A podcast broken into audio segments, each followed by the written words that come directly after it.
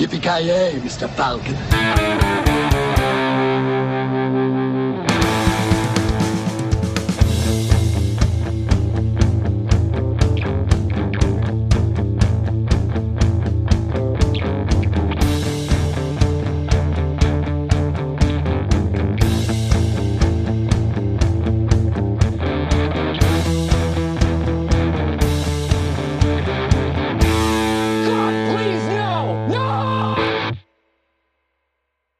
Gott folk, eh, hjärtligt eh, välkomna till Filmsmakarna. Eh, Jag heter eh, Mr Joakim eh, Avoya. Eh, Vi fortsätter med vårt Dino De Laurentiis-tema. Men innan vi kommer in på det så måste vi presentera eh, våra, mina medpodcastare från Skellhäll, Mr Joakim Granström. God dag. Tjena, tjena, tjena. Eh, har, jag vet inte, har, din, har du märkt någonting att elektronisk equipment har börjat leva sitt eget liv där borta eller något? Har inte gjort det, men å andra sidan så ska jag erkänna att jag varit eh, full av kokain på senaste tiden. Så att eh, det. min, min, eh, mitt attention span har väl inte varit riktigt vad det brukar vara. Ja, jag blev attackerad av min elvisp tiden när jag skulle göra vad heter det, vispgrädde, så det, det var ju lite weird. Men ja. Det var lite läskigt. Intensiv Nej, men hur står matlagning. ja, oh, ja. Nej, men hur står det till? Uppe, uppe nere? Du är nedanför mig. Jag är nedanför, Nere ja precis. Jag är under dig. Eh, Ja, det är du alltid. Det vet jag. Du, du gillar ju att vara en bottom, så det... ja, livets hårda skola alltså. Mm. Haha. Ja, men hur är läget? Ja, jag ska inte klaga. Jag, jag, jag, jag måste säga att jag var lite äventyrlig för att uh, återgå till matlagningen alltså. Jag såg Okej. på Ica när jag var och handlade i lördags måste det bli. Att eh, Okej. de, i vanliga fall så brukar jag köpa lite så här habanero, det står extra hetta och så hade de en sån här ny chili, naga chili stod det. Och det stod extrem hetta på den eh, lilla påsen där. Jag tänkte att det måste vi prata och pröva. Och jag kände att jag var lite besviken där för det var då, de som jag köpte var då inte starkare än habanero i alla fall. Så att eh, jag sitter här och har inte så mycket gurgel i magen för att chilin var inte riktigt så stark som jag hade hoppats att den skulle vara helt enkelt. Så om den inte bränner på vägen ut så är det en besvikelse menar du? Nej, alltså om man inte behöver liksom badda the asshole med kallvatten, isvatten liksom, Ja, då, då är det meningslöst. Nej, Jag faktiskt fick eh, från morsan, eh, så här, eh, någon från Lidl som heter typ så Bring the Pain. Den, var, den var fan nice, den, var, den är riktigt spicy. Så det, jag, jag, är med, jag är på din sida där, jag älskar ju saker som jag, jag, gillar, när, så ju starkare desto bättre. Det kommer mitt motto vara. Ja, man måste ju pröva i alla fall, man måste liksom utmana ödet. Eh, Men med oss eh, tredje parten, Mr Kent Wikström. Jag har hört att dina bil har börjat leva sitt eget liv. Vad har du att säga om det? Ja, den förvandlades till en lastbil och helt plötsligt var det en eh, Marvel-figur eh, Ja, just i det. grillen. Så Jaha. Ja, hur känner det, du det inför är det, där vi är. Kän- Känns det bra eller? Är det läskigt? Nej, läskigt kan jag inte säga för den kör ju bara dagtid och spelar AC/DC-låtar så eh, Ja, jag det. kan inte påstå att jag tycker att det är så läskigt. Jag tycker det är ganska episkt faktiskt. Ja. Den har bra musiksmak i alla fall, din, din lastbil, så att säga. ja, men så är det. Ja, det är liksom så här Bumblebee Transformer som bara pratar genom radion. Den pratar ju bara i AC/DC-låtar så jag blev lite nervös när den började sj- sjunga Sink the Pink men... eh, det, det, Men tänk- vad intressant Night Rider hade varit om, David ha- om bilen bara spelade AC/DC-låtar. David Hasselhoff och AC/DC. Jag hade sett den i alla fall. Bara den skrikrösten och allting. Michael! Eller ännu bättre om bilen äh, vad heter det, spelade, pratade enbart genom att spela David Hasselhoff-låtar. Oh! Det enda man hör är I've been looking for freedom ja, exakt. for repeat. Riv Berlinmuren, det, det är Ja. det enda man hör. Vad va, va, vad heter det? Var, ska, eh, var ska vi nu då? Och så väntar så svarar I've been looking for free... Va? Vad fan? Ja. Jag säger så här, vad är dagens upp, uppdrag? Looking for free! Ja, vi får- Visst därför det, som, eh, David Hasselhoff har gjort en cover på den här äh, Björn Skifs, äh, vad heter det, Björn Skifs låten? Hooked on a feeling. Den är, är det, musikvideon till David Hasselhoffs cover på den är mycket episk. Ja just ja, det är där han har en fiskkrok som ska fastna i käften på honom. Jag menar, ja, så, videon. men alltså, jag kommer bara, han står uppe på ett bil och så ser man ju att alltså, det ser ut som att det är gjort i paint, att de har klistrat in bakgrunden i paint. Alltså, det är mycket bra. Och jag, jag får en bild framför mig när han står i fiskutrustning och så är det en fiskekrok som drar honom i sidan i käften. Ja, ja, just det, ja. ja han har sån där, äh, sån där, vad heter det, klassisk sån där fiskemanshatt bland annat. Och Ja, exakt. Sjukt jävla bra. Telia-mässan som folk hade Nej. back in the days. Hi. My name is Stephen King. I've written several motion pictures, but I want to tell you about a movie called Maximum Overdrive, which is the first one I've directed. Wow. What in the dickens is going on around here? A lot of people have directed Stephen King novels and stories. And I finally decided if you want something done right, you ought to do it yourself. Ja, men på ta- tal om saker som är sjukt jävla bra eh, och som, som hade gjort blivit bättre med David Hasselhoff eh, så är det ju den här filmen vi ska prata om, Maximum Overdrive. Det är väl ungefär det enda sä- sättet man kunde göra den bättre om David Hasselhoff hade haft huvudrollen. Alltså, det jag kan känna här, det är ju i vanlig så här, typisk ordning när du säger om att eh, saker som är jävligt bra, det är ju att den här, den här var ju, filmen var ju före sin tid på så sätt att trailern är ju faktiskt bättre än filmen. Ja, det lugna måste dig man nu. säga. Nej, nej, nej, kanske inte bättre, men den är på samma episka nivå måste jag säga. Ah, alltså, jag, jag tycker att den är bättre, jag tycker att den är bättre. Ja, men eh, vi tar trailern först då. Vad, beskriv trailern Gras, vad är det som är så jävla bra med den? Den har en ingrediens och det räcker. Den, den, exakt, den har en ingrediens och den ingrediensen kallas Stephen King framför kameran. Och det är ju underbart. Alltså, för de som inte vet, Maximum Overdrive är ju alltså en Stephen King-film baserad på en kort historia av Stephen King och regisserad av Stephen King.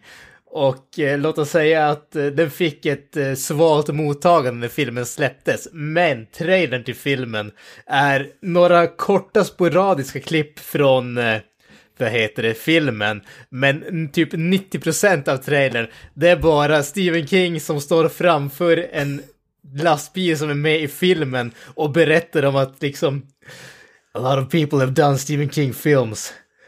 But I decided if you want to do something right, you gotta do it yourself. Och liksom... I will scare the shit out of you. Massa sådana grejer och lovar oerhört mycket. I'm go- I, I wanted to do Stephen King right. Och det var det här vi fick. Det är episkt. Det, det här, ja, exakt. Det här, grejen med det här är ju att det här får en verkligen att fundera på vad betyder doing Stephen King right? Betyder det att göra någonting som är väldigt skrämmande? eller betyder det att göra någonting som i bästa fall kan kallas en våldsam komedi? Jag, det vete fan alltså. Ja, det är det Ja, som det är är lite... typ Caddyshack möter Trauma. Det är typ. Ja. ja, alltså, han- alltså Stephen King, säga vad man vill om honom, men han är fan, vad heter det, karismatisk, han är fan underhållande. En underhållande personlighet, oavsett vad man tycker om hans verk alltså. Men vad, vad säger ni om sell, selling pointen? Alltså hur stor var Stephen King 1986? Alltså jag tror fan han var, nog fan var väl ganska stor då. Det, började, det var väl ändå i, när han började som pika ändå, skulle jag vilja säga. Han började, han har ju skrivit böcker sen vadå, typ 60-talet eller någonting. 70. Men var han med på typ Oprah Winfrey eller Ricky Lake och de här eller? ehm, Ja, nog tror jag, ja, men nog tror jag han var på typ sådana här talkshows och sånt där. Det finns ganska gamla talkshow-klipp med han, så det tror jag definitivt att han... Jerry Springer. eh, Hade han inte skrivit i alla fall några av sina mest populära böcker hade han nog redan skrivit, tror jag, 86. Eh, tror jag faktiskt. Jag kommer jag jag, jag känner som man, man minns ju, man har ju ingen uppfattning eftersom man inte var med back på den tiden. Nej. Men alltså det känns inte som att man har sett Stephen King så jävla mycket i rutan eller, men det kanske fanns en tid när han promotade så in i helvete, jag vet inte. Så att folk... Ja, men han- alltså, alltså, jag han- tänker han- när jag säger trailern, då är hela selling point att, att det är Stephen King. Alltså att han är en känd författare, det råder ingen tvivel om det, men Nej. var han så jävla recognizable? Eller, eller så var det kanske, de visste att filmen kanske inte kommer dra folk till biografen utan vi måste dra på att det är Stephen King. Ja, men precis. Jag, jag, jag tror att det ligger väldigt mycket där. De, de visste att eh, filmen är kanske inte riktigt vad folk vill ha, men Stephen King, även om folk inte känner igen honom så vet man att det är ett namn som är synonymt med skräck om man får säga så. Och liksom Ja, så- försöker hausa upp det på grund av det. Det är han som äntligen har gjort sin egen film. Det är Stephen King som gör stil, som Stephen King som Stephen King vill att Stephen King ska göras ungefär. Alltså det Det är, här är alltså, som att Fred, det här är som att Fred Durst eh, som är regissör skulle göra i varje trailer. I'm Fred Durst and I'm gonna rap the shit out of you. Ja, det är väl förutom Stephen King så är det väl Fred Durst som, som är det största försäljningsargumentet för en film, eller? ja men så är det ju. Han står där med bak, eh, kepsen bak och fram och Ja. så vidare. Och Vanilla Ice, möjligtvis. De, Ja, där har vi the absolut. holy triumvirate, så att säga. King, Fred Durst och Vanilla Ice. Eh, ja, men det finns ju en anledning till att man stoppar Stephen Kings namn på typ posters och så till varenda jävla skräckfilm så säger oh, Stephen King sa att den här filmen var läskig. Vi stoppar hans namn på postern. Så kommer vi sälja... Man hade velat se sen när det är trailer inför ny Game of Thrones-säsong och så är det George R.R. Martin där som står I'm gonna... I'm gonna scare the shit out of you. I'm gonna have sisters laying with brothers. It's gonna be a lot of incest. I'm gonna kill off your favorite characters. When you... When... after the... In the third season. Jag vet inte. och så är det fem sekunder klipp med drakar och så är det Ja. There's gonna be dragons, but not a lot of them. Vem hade ni velat se göra en sån här Stephen King-trailer idag om ni fick välja? Göra en trailer. Ja, alltså, sån, li, Ja men alltså, man, liknande. stå, man själv, personen i fråga själv står i centrum i hela trailern. Och, Alltså det är ju Alltså, Nicky, en alltså, Nicky, ego-trailer. Nicky Cage. Alltså när, när Nicky Cage väl regisserar en film. Alltså, kan du tänka dig någonting mer magiskt? alltså det räcker med att han skådespelar i den känner jag att han ska bara stå där och berätta att hur, hur episk hans insats är. Ja, jo, jo. Han skulle- This is Nicolas Cage as you've never seen him before. Men jag känner han är för ödmjuk, Cage. Han är alldeles för ödmjuk. Ja, jo, det är klart. Eh, Vem är inte... Shia LaBeouf är inte en mjuk. Ja, regissör. Uh, nej, men det är väl inte Nicky Cage heller, så det spelar ingen roll. Vi, vi kan få det att funka. Ja, för fan. Det här, jag tycker det här, det är som med Canon Films, eh, alltså De Laurentiis filmer ibland, man tänker så här, hur fan kunde det här, den här filmen, alltså komma igenom eh, pipen, alltså hur är det möjligt att den ens gjordes med hyfsad eh, budget vad det verkar i alla fall, jag har inte koll på siffror och sådär, och, och det är därför man älskar Dino De Laurentiis och Canon Films och de här som kanske sket i att, den skulle, att det skulle slå på amerikanska marknaden med perfekt engelska och skådespel, utan det är spektaklet som, som är grejen. Det kanske bara helt enkelt är att det var Stephen King och så där han trodde att det var ett bra, ett stort, nog stort namn. Men det kanske inte var så mer komplicerat än så. Ja, han gillar, han gillar ju att säga dollartecken som ingen annan hittar. Hur bra filmerna gick utomlands, hur de gick i USA. Det kollade Hollywood-nissarna på back in the days och han var ju bland de första som bara koncentrerade sig på utländska marknaden och insåg att det var ju typ lika mycket pengar där. Så jag kan tänka mig att det, att det är en sån grej också att, som du säger, Stephen King, då, så, då rullar det bara dollartecken i, I ögonen, så att säga. på honom. Ja. Den var, som du sa, den var faktiskt stor. 10 miljoner dollar hade den, eh, verkar som enligt IMDB. Eh, som budget och det är ändå helt okej faktiskt för en film på eh, 80-talet. Ja, alltså det är mycket praktiska effekter och allt sprängs i luften och alltså det måste kosta en del att... Verkar att inte ens ha dragit in sin budget heller, så det är en megaflopp. Kan man ju lugnt säga. Kändes tveksamt i alla fall. Ja. Den är vi, såklart, den är ju regisserad av Stephen King och skriven av Stephen King. Baserad på en short historia av Stephen King, så det är verkligen alltså... Med Stephen King. Stephen, med Stephen King i rolllistan och det är alltså trailer, är, Stephen King är i trailern, det är verkligen bara... Eh, ja, alltså det här är ju, om Gene Simmons skulle göra en film så, alltså det är ungefär det, på det stuket. Alltså det, Hans namn. om, om det är Och- någonting och- jag får ut av Stephen King från den här Stephen King-filmen så är det ju att Stephen King är en oerhört blygsam människa. Ja, åh fy fan. Tycker definitivt Nej, om att han- vara i bakgrunden och inte göra något väsen Ja. av sig. Definitivt Nej, nej. inte försöka spela upp sitt namn för att dra, dra liksom uppmärksam, uppmärksamhet till sina verk och sådana saker. Han låter verkligen grejerna tala för sig själv. Som Gene Simmons, Nicolas Cage och så vidare, det är ödmjuka Men de låter ja, vad heter, konsten tala för, sig, tala för sig själv så att säga. Exakt. Jag har inte sett poster men jag kan tänka mig att det är något i stil med Stephen Kings Maximum Overdrive starring Stephen King. Stephen Kings by Stephen masterpiece King. of terror directed by the master himself, står det. Ja, exakt. Jag, jag kan rekommendera alla som lyssnar på det här att dra fram en bild på poster för den är underbar. Det är alltså typ, det ser ut som vad som är sidan på en buss. Med, där det är liksom, vad heter det, no, ser ut som att någon har gjort hål i den ungefär, eller dragit isär den. Och så ser man Stephen Kings huvud som tittar ut och en hand som håller en sån här, vad heter det, marionettdock-grej. Och som ska trådarna ner till små pyttelastbilar som är längst ner på bilden. Och sen, Och Emilio Estevez med ett machine gun. Precis, mitt där. Och så hans kärleksintresse. Det absolut största som syns här det är Stephen Kings ansikte. Alltså det är så Jag hade dåligt inte sett inklippt. den här innan.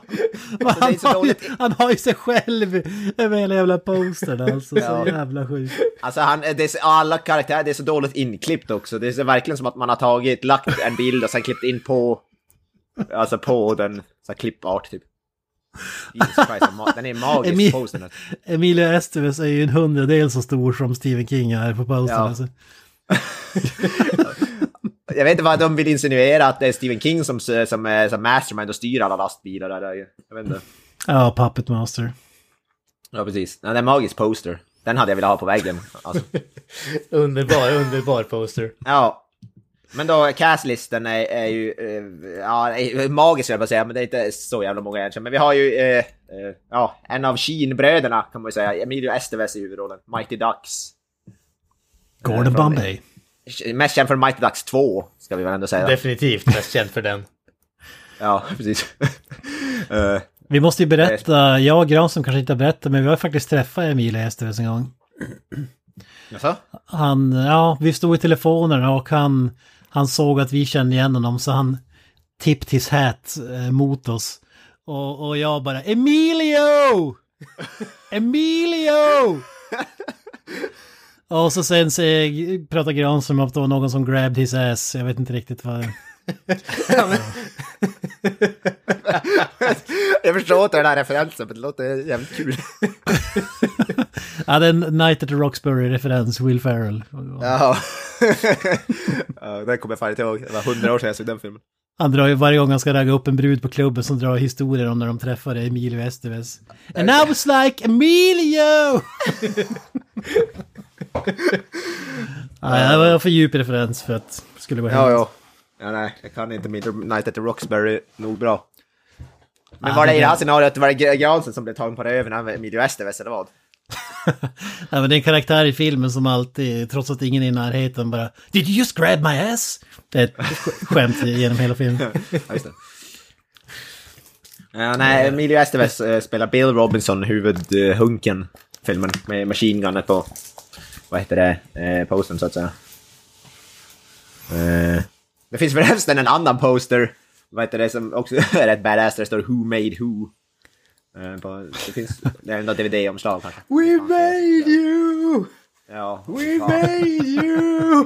Störigaste, kar- störigaste karaktären ever. Det Men- finns men- en poster som ser ut som att det är en typ romantisk komedi i ena halvan och sen på e- undre halvan så är det, vad heter det, eh, eller en romantisk film på övre halvan och sen på undre halvan ser man den här lastbilen med Green Goblins face.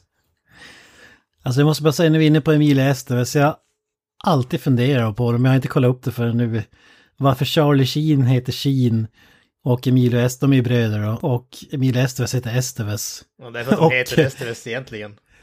Ja, Ja, det, det, och, och Martin Sheen heter egentligen Ramon Estevez. Ja, hans Charlie Sheen heter väl Carlos Estevez eller något sånt där för mig. Ja. och, och det var så jävla kul för jag såg två intervjuer från två olika eror. Den ena var ju när Emilio Estevez var ung när de snackade så här, ja men varför, eh, din, eh, din farsa eh, heter ju Sheen och du heter Estevez, så hur kommer det sig? Och så bara, ja, det var ju någon sån här, Sheen var ju någon sån här, de skulle, de skulle ta något irländskt eh, efternamn för att det skulle vara mer säljbart i Hollywood typ. Så, som kan säga att Martin och Charlie sålde ut på, på den biten. Men då sa jag bara, ja, jag, jag satte Emilio och Sheen och sa att ja, det ser för jävla löjligt ut det här, jag kan inte ha det, så jag köper Estevez. för att han vill inte byta förnamn så att säga. Och, och nu såg jag en intervju som gjordes för något år sedan, bara, då var det en helt annan story. Ja, då var det typ, ja min, min farfar eh, skulle gå och se eh, Martin Sheens då föreställning. Eh, Och han blev så besviken då när det stod Martin Sheen och inte Esteves. Så han sa att gör inte samma misstag när du kommer in i branschen. Utan då måste du ha vårt riktiga efternamn. Ja, just det. Så det var ju jävligt intressant att, det är två helt olika svar på den storyn. Den, är mer 2021, eh, den senare, att det var en eh, fight power-grej liksom. Ja, just det. Det, det tycker jag var mäktigt. Ah, Ramon Esteves, det hade jag ingen aning om alltså. Martin Sheen. Det, det är fan... Ja, nej, så de hatten visste, jag visste att de hade något sådär... Då måste jag anta att de har något jävla spanskt eller påbrå eller något sånt skit. Jag Ja, förutsätter, jag förutsätter väl att de är latinos, så att säga. Latinos. Ja, det var väl deras farfar var spanjor tror jag. Ja, något åt det hållet. Ja, just det. Ja, i alla fall. Eh, ja, men i alla fall. Emilio Estevez spelar huvudrollen då. Eh, som Bill Robinson heter han. Eh, vi har ju även Commissioner Gordon som i en jävligt kunglig roll. Pat Hingle. Åh fan, jag trodde du menade Gary Oldman. Nej. ja, Gary. Nej, från vad heter det, de eh, Tim Burtons och eh, Batman och så vidare. Batman och Robin han är med såklart. Tim Burton slash Joel Schumacher, Batman. Ja, exakt. Eh, spelar, vad heter det, jävligt sleazy, eh, sliskig, eh, ja, diner-ägare. Mest känd från jävla- Batman och Robin. Ja, precis. Som har ett jävla, eh, jävla arsenal in, i sin källare med bazookas och maskingevär och allt fan. Ja, exakt. En diner med rocket launchers i källaren. Det är fan. Ja. Ja, fy fan. Och de där rocket launchers kommer väl till, använd, väl, väl till användning kan man säga. Ja, det är nästan så lite väl lägligt, men... jag tycker det känns logiskt. Inte. Ja, ja, så är jag, jag, jag ifrågasätter det inte. Eh, vi har ju även, vad heter det, eh, ja, Lisa Simpsons röstskådis. Med som en otroligt störande karaktär. Som man egentligen bara får ont i öronen av att lyssna på. Eh, Precis som Lisa Simpson, du Ja, precis. precis. Vad heter hon? Gerdly Smith. Gerdly. Gerd, ja, man uttalar det. Gerdly Smith. Eh, Den stora skillnaden i det- den här filmen det är att hon skriker ju hela jävla tiden alltså. Alltså, Fan, jag det låter- önskar verkligen att någon bara skulle skalla hon. Fy fan. men det låter ungefär som, vad heter det, sådär, när man får sån där... Eh, i, I flera högtalare när det går så här rundgång. Det låter ungefär så när hon pratar. Men det mest, det coolaste kanske, eh, som jag blev mest positivt överraskad av, det är ju att Gus Fring himself, eh, Breaking Bad, Better Call Saul, jag tänker Giancarlo Esposito är ju med. Måste vara en av hans absolut första roller någonsin, kan jag tänka mig. ja. Eh, Giancarlo Esposito är ju med. Eh, I en... Ja, han har inte ens ett namn. Han är credited som video player. Men det är ju episkt. ja, var det han i Flipper Ja. eh, arkad? Ja. Fan, den scenen är ju episk, men vi kanske kommer Ja. Wow! Han snor, snor småmynt och cigarettpaket. Ja. Men jag vill ju slå ett slag för det mäktigaste namnet i listan. Det är ju Frankie Faison för fan. Ja, exakt. Barney the Commissioner Orderly. Burrell from The Wire. Ja, just det. Eh, Även eh, Sugar från eh, tv-serien Banshee som är alldeles för underskattad serie. Just det. Barney the Orderly Fin- från Hannibal Lecter-filmerna. Exakt. ja, men han har gjort sjukt mycket. men Han, han är kung. Men jag kände dock, måste erkänna att jag kände inte igen honom i den här filmen. Det var några år sedan. Jag kände igen han direkt enbart på rösten. Ja, precis. Jag tänkte säga det är det enda som eh, låter som ska han, men utseendemässigt är det en helt annan människa ska jag vilja påstå. Mississippi Säg- brinner är också en jävligt eh, bra film som man är med i. Sen kan man ju, vet du det, eh, den, och så såklart, eh, Stephen King är ju med själv i, i en roll. Det är ju väldigt konstigt, för han verkar ju inte gilla att, som vi sa, han verkar inte gilla att synas. Så det är konstigt att han ska vara med i en cameo i sin film. Det, kan, det Ja. hade man inte räknat med. Ja, precis. Efter den där trailern hade man förväntat sig att han skulle gömma sig. Ja, precis. det, känns, det känns olikt honom. Han spelar man at bank ATM. Han, han, han blir, ja, insulted av en bankomat. Blir förolämpad av en bankomat. Honey, the ATM is calling me an asshole. Eller vad han säger. Ja, fy fan. Kunglig film. Mm. Eh, men där eh, stannar väl det mest intressanta namnet. Men det, ja, det är en episk castlist. Men, eh, och sen, eller ja, eh, det är ju inte en castlist, men musiken. Vad kan vi säga om de som har gjort musiken Kent? Det är ju väl, alltså, kan det bli bättre än? Ja, det är väl ett om Maiden. band från Australien vid namn det väl- ACDC. Ja, just det. Likström det väl, hade blivit... Ja, precis. Det enda som hade varit bättre är väl om Iron Maiden hade gjort musiken, antar jag. Ja, eller Vince Neil. Det är... Ja, precis. Eller stil. Det är därför att, vad heter den här uh, Nightmare on Elm Street-filmen med Bring Your Daughter to Slaughter, den, den slår en halv igen eftersom det är Maiden. Ja, ja herregud. Ja, alltså så, även om jag är stort fan av AC/DC så Maiden det är en helt annan eh, division. Vi skulle haft Kalle här egentligen då. Han är ju det stora, med, vad heter det, ACDC-fanet så att säga. Ja, ja. Ja, men det är mäktigt. De skrev ju tre låtar eh, till Mm. den här filmen. Två som har ingen hört talas om, men Who Made Who var väl den eh, stora låten som de skrev. Och så slängde de in en massa You Shook Me All Night Long, Sink the Pink, eh, Hells Bells och så Mm. vidare. De är, jag tror jag läste alla förutom två låtar av ACDC, jag vet det finns några andra låtar på soundtracket som jag förstått det. Jag, jag kommer inte ihåg vilka det var, men jag får mig att jag läste något sånt. I så fall måste det vara ett AC/DC coverband, för det låter ju fan som att det är AC/DC genom hela... genom hela filmen. Ja, Ja, just det, ja, men det, det är bara... Det är bara de han använder, det är typ klassisk musik tror jag. Eh, Det är, vad heter det, Ride of the Valkyries, jag tror det är de som de syftar på. Ride of the Valkyries och... eh, Som är ju en, såklart, Wagner. Du vet den här fl- flygplanen. Den, den glö... Flight of the Valkyries. Ja, eh, Ride, Ride of the. Valkyries där. Du, du, du, du, du. Den eh, episk scen också.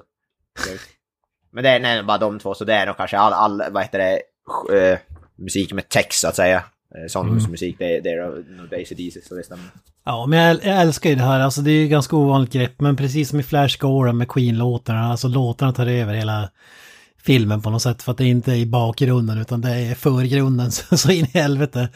Eh, gitarrer och sång och de spelas typ i sin helhet. Eh, Mm. Ja, det är, det är episkt måste jag säga.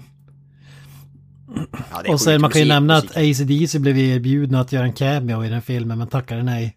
Jag vet inte Ja, för de- riktigt hur man ska De tolka påstår, det. att de, är, de påstår att de inte är actors. De, de vill inte skämma ut sig själva eller något sånt där. Bara, vet. Nej, de vill, de vill inte, de vill inte riskera att överglänsa övriga i... Nej, precis. I Det är ju oerhört eh, högkvalitativt skådespeleri i den här filmen. Ja, ja. Eh, eh, det, det roliga är att eh, heter det, Stephen King är ju ett stort AC/DC-fan eh, och tydligen så vad jag har- kan läsa så var det, det gick de med på att göra musiken när de, typ, när de såg Stephen King sjunga en hel låt från början till slut. Någonstans, jag vet inte vart fan det var, om det var här karaokebar eller någonting, jag vet inte vad, det står inte riktigt exakt. Men då, det var i alla fall storyn som står på IMDB. Eh, Det var efter en vit natt kanske. Eh, ja du. Eh, men då sjöng, han sjöng i alla fall eh, he- en låt som heter Ain't No Fun, Waiting Round To Be A Millionaire. Eh, sjöng, de, eh, sjöng han från alltså, början till slut. Och då blev de så, så de tyckte det var så roligt och så imponerade att de gick med på att göra musiken. ja, de är inga sellouts. De tänker sig för innan de Ja, ja, ja. joinar projektet. Så. De måste ju, de måste ju vad göra ett eldprov för att se om, om man är riktigt fan så att säga. Tycker jag är, tycker jag det, rimligt. Mm, det är Eh. mäktigt. Vi måste ju nämna också snubben som, det är ju en AC/DC-van med i den här filmen. Just det, jo. Och den som kör den är Gene Hartline, en eh, legendarisk stuntman. Han har ju bland annat gjort stuntsen i till Iron Man, Logan och eh, Jävlar, Transformers, Fast and Furious och Ja, ja, men alla möjliga jävla filmer du kan tänka dig. Bad Boys 2 framförallt. ja just det. Eh, lite kuriosa, Maximum Risk. Odödlig Mm. Ja, fan. klassiker. Ja, det är jävligt badass. Eh, det ryktas ju också om att eh, George R. Romero, eh, kända zombie-regissören, om man ska kalla honom, han har vet det, eh, regisserat en hel del scener genom filmen. Res, eh, vet det ryktas det om. Det är inget som har bekräftats. Men det är på grund av att Stephen King var på så behandlingshem för kokainmissbruk och så vidare. Eh, och film, det finns eh, Romero-fans som påstår det också, som har typ analyserat filmen och sett många av hans signaturer, kameravinklar och vad fan det stod. Sen hur de ser ut, det kan inte jag svara på, men det, det är det som det står i alla fall. Jag tror att det är en slump att det inte har bekräftats. Alltså, Stephen King har vet du, eh, erkänt att eh, George. Romero faktiskt var on set eh, väldigt mycket. Eh, så det, det han. Sen- om han faktiskt har re- regisserat eh, scenen eller inte, det... Nej, men, men du, tror, du tror inte att det finns någon anledning till att Romero kanske inte skriker ut över bergstopparna? Ja. Att han, Ja, alltså, gjorde den här ja. filmen så att säga. Ja, jag förstår inte vad du vill insinuera här. Eh, filmen är ju ett mästerverk uppenbarligen, så jag, vet Ja, inte, ja men så är det så är det jag vet inte vad du försöker säga. Eh, han är väl bara ödmjuk. eh, Till skillnad från... Till skillnad från herr King. Herr King. Som eh, också är otroligt ödmjuk på sitt sätt. Fan vad kul om det ska visa sig att Stephen King har inte regisserat någonting för att han var bara coked up eh, någonstans. Eh, Stephen King är ju i alla fall inte speciellt nöjd med den här filmen. Han har kallat det en moron movie i efterhand. Och när, han, eh, när folk har frågat varför han, vad heter det, inte har regisserat en film som Maximum Overdrive så är, han, är hans svar bara kolla på Maximum Overdrive så förstår ni. Eh, men han har även påstått att han, han vad heter det, gärna skulle vilja regissera en film någon gång när han är nykter. För han, enligt eh, honom så var han vad heter det, coked up, alltså han var hög på kokain i princip i, under hela filminspelningen eh, av den här. Så han hade, han, tydligen vill han gärna göra en film när han då är nykter. Så vi får ju se om det händer innan han coolar vippen så att säga. Maximum Overdrive 2 möjligtvis.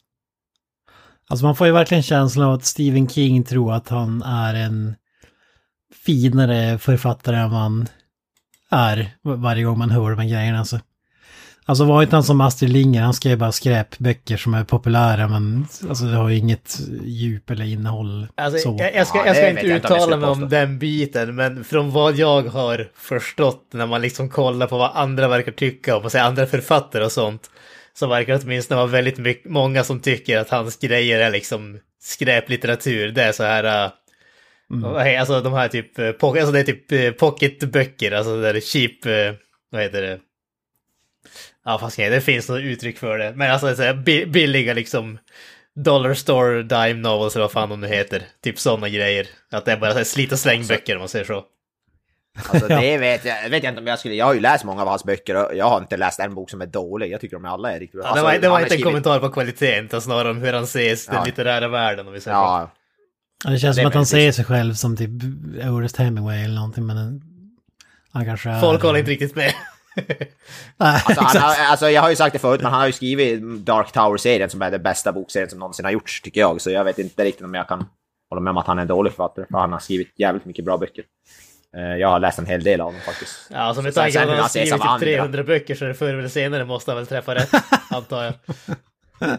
ja. Sen hur han ser av andra, det är väl sak samma, men jag tycker han är riktigt bra. Sen har han väl säkert, jag har ju inte läst alla hans böcker, så han har ju säkert skrivit någonting som är skit också. Men det jag har läst är ju alltså top notch ändå, skulle jag påstå. Alltså nu, jag har inte läst mycket Stephen Ja. King, det kan jag gott och villigt erkänna, men de gånger som jag försökt läsa den tycker jag att det känns som ordbajseri jävligt mycket alltså. Det känns som att alla hans böcker är typ 600 sidor och de skulle vara 10 gånger bättre om de var 300. Ja, Hans, hans böcker, det är böcker som motsvarighet till Fast and Fu- Furious franchise, det känns det. Nej, det är gud förbannat. Det är inte ens i närheten av rätt, av en korrekt... eh, korrekt är stora pöbel och massorna gillar dem, men det är... Ja, finsmakarna håller sig undan kanske. Ja, då, då, ja, vet du fan. Nu, nu är väl det kanske finsmakarböcker kanske är ju... Då tänker jag mig typ så här, fan vet jag. Ja, som vi sa, Ernest Hemingway eller något sånt där. Men jag måste säga, fram tills den här filmen, så när, man, när någon har sagt typ, ja det är baserat på en Stephen King, bla bla bla, som bara... Ja, here we go again. Det är typ aldrig bra. Det, det finns ju säkert undantag som jag inte kommer på nu, men efter att ha sett den här filmen så har jag ändrat mig, alltså...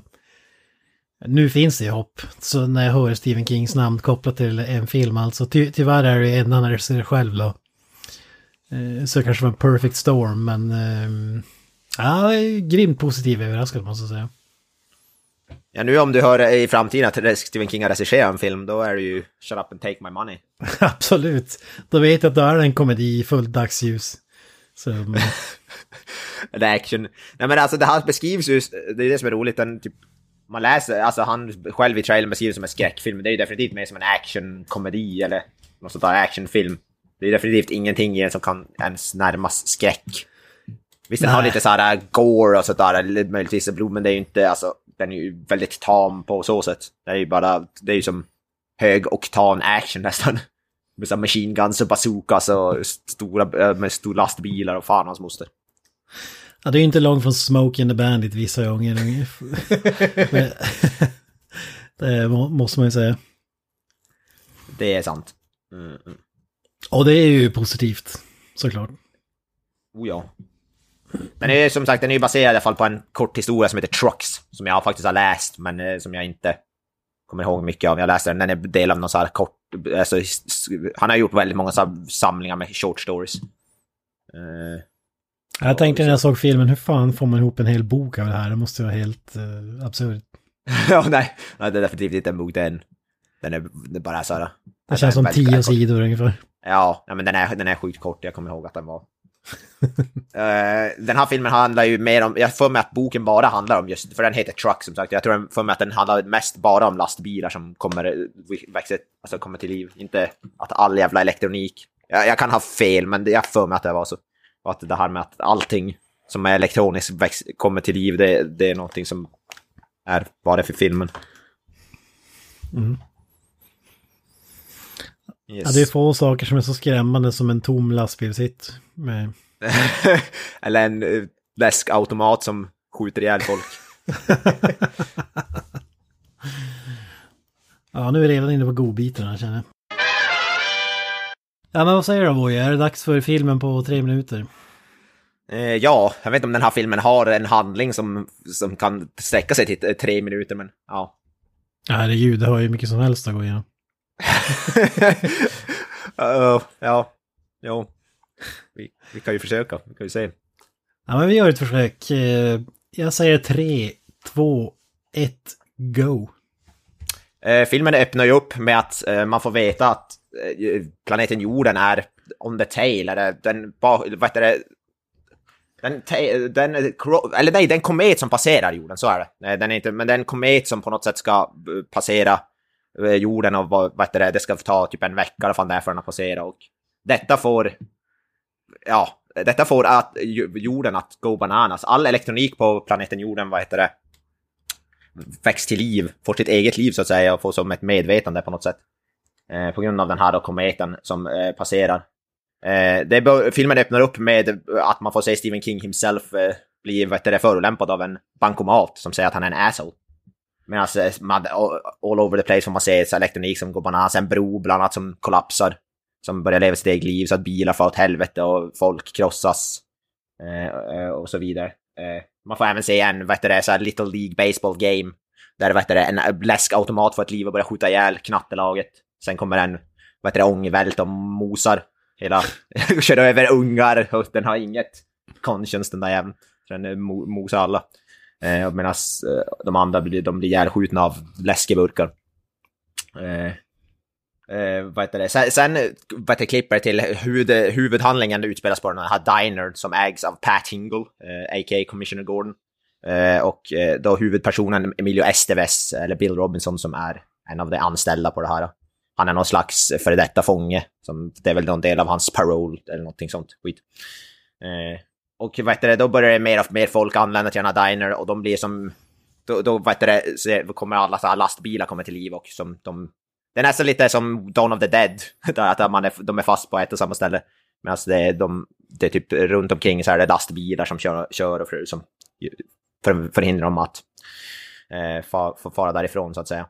En minut. Eh, eh, och sen vad heter det, eh, vad heter det då för att eh, skydda sig själv och för, försöka de, Eh, förstöra, då vet du, det bland annat visar sig att Per Tingle, han har ett arsenal i vad heter det, källaren. De skjuter sönder en jävla massa, eh, vad heter det, såna där. Och sen vill, sen kommer de överens med vad heter det, den här entityn att de ska tanka alla deras eh, lastbilar för att överleva. Så då finns det en montage när Emilio Estevez tankar en massa lastbilar till Hells Bells, eh, DC. Eh, de ja, men de lyckas sen vet du, rymma ur den här dinern genom, att, genom något slags eh, kloaksystem. De har, I slutet har de en eh, showdown med den här huvud Big Riggen som har Gobli, Green Goblins ansikte. Eh, 20 Emilio. Estevez, Emilio Estevez spränger den med en, vad heter det, en av Pat Hingles bazookas. Och eh, ja, de vad heter det, lever lyckliga i alla sina dagar i princip, eller på att säga. Men ja, typ så. Bam! Med fem sekunder till godo. Vad fan. Herregud, hade ju kunnat klämma in minst 15 meningar på det. Ja, vad fan, jag lyckades ta mig till slutet innan tiden var slut. Jag är fan nöjd med mig själv. Alltså. Ja, alltså det, Ja, det, det känns finns- som att nu har du lagt till en extra växel här alltså. Ja, fan. Istället för att bara komma igenom första scenen. Ja, precis. jag var rädd att jag skulle bli fast vid eh, Stephen King och eh, bankomaten. Ja, jag var lite nervös där ett tag, men det, det löste sig. Ja. Ja, nej, men det är i alla fall eh, grundhandlingen i alla fall. Det är inte så... Eh, så- inte så komplicerat. Det, det enda rätt intressant är att he, he, majoriteten av filmen utspelar sig verkligen på den här dinern. Eh, det, var, det är nästan lite Dawn of the Dead-stuk, jag vill säga, som jag sa. Och det är alltså en one location. Ja. Ja, det är Fast som så. Ja, precis. så jag tog ju mycket inspiration av Maximum Overdrive. Eh, Nej, ett riktigt kammarspel får man säga. ja, fan. I just wanted someone to do Stephen King right. You want a war? You got one. I just want to get the hell out of here. So come and spend some time with me and my friends at the Dixie Boy. Spend some time in the dark. Please don't leave me in the dark. Help me. I'm gonna scare the hell out of you.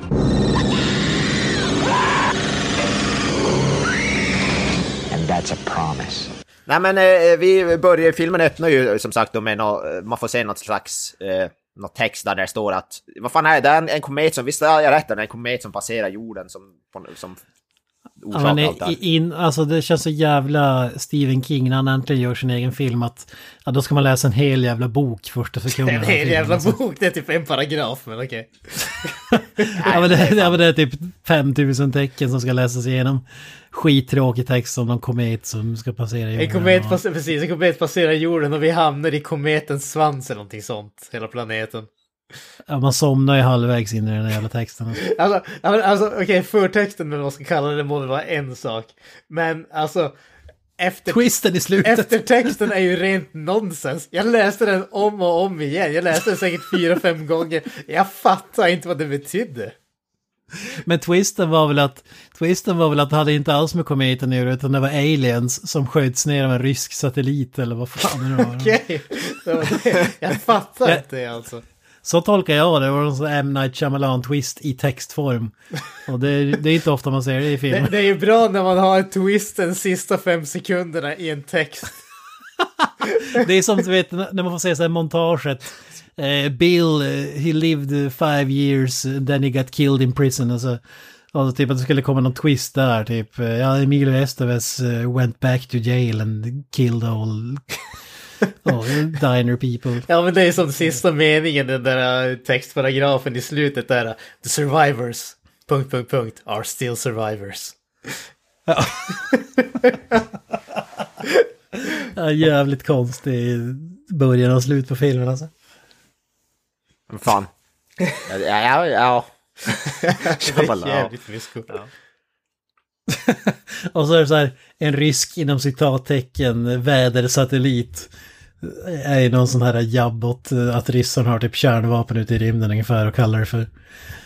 eh, Jag tror det var vädersatellit om jag minns rätt.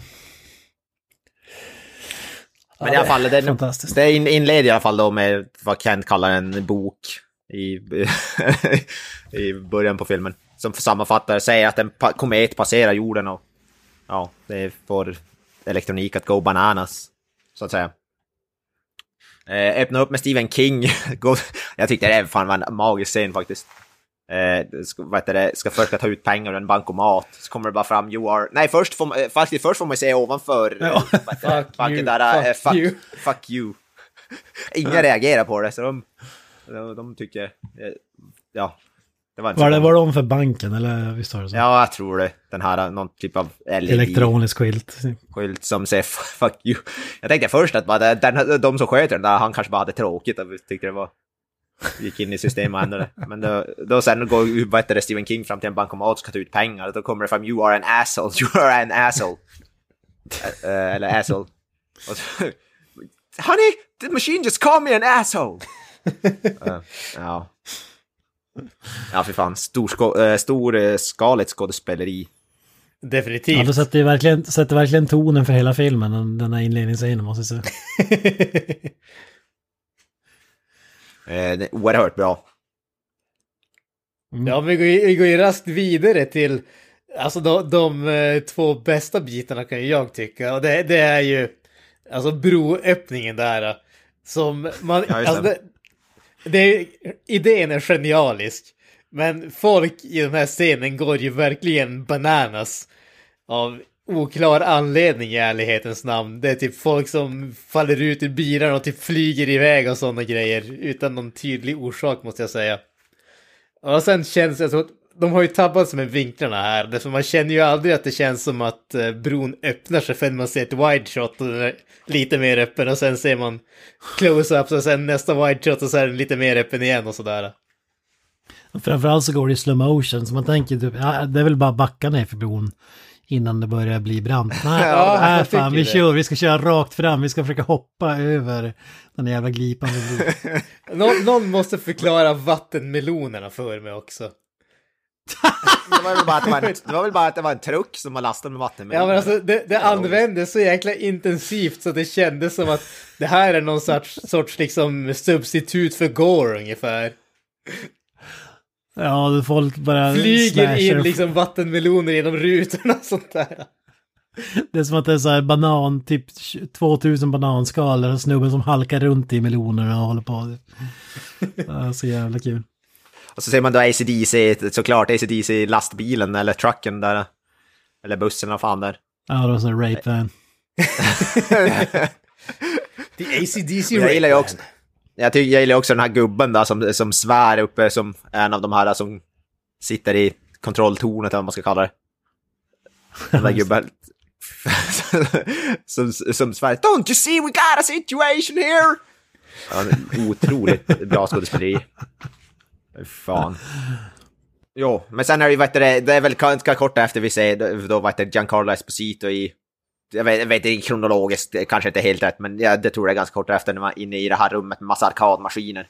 Som börjar, Ja. vad heter det, go bananas. Börjar spruta ut mynt lite överallt och cigarettpaket och... eh, Han har ju en replik Okej, ja, som är ja. jävligt rolig, men jag kommer inte ihåg den nu vad han säger. eh, ja, jag vet vad- jag kommer inte ihåg att han sa någonting. Jag kommer bara ihåg att han bara blir jävligt glad när han får se alla cigarettpaket. Ja, det var sprutor ut mint och cigg och han proppade i fickorna fulla med allt.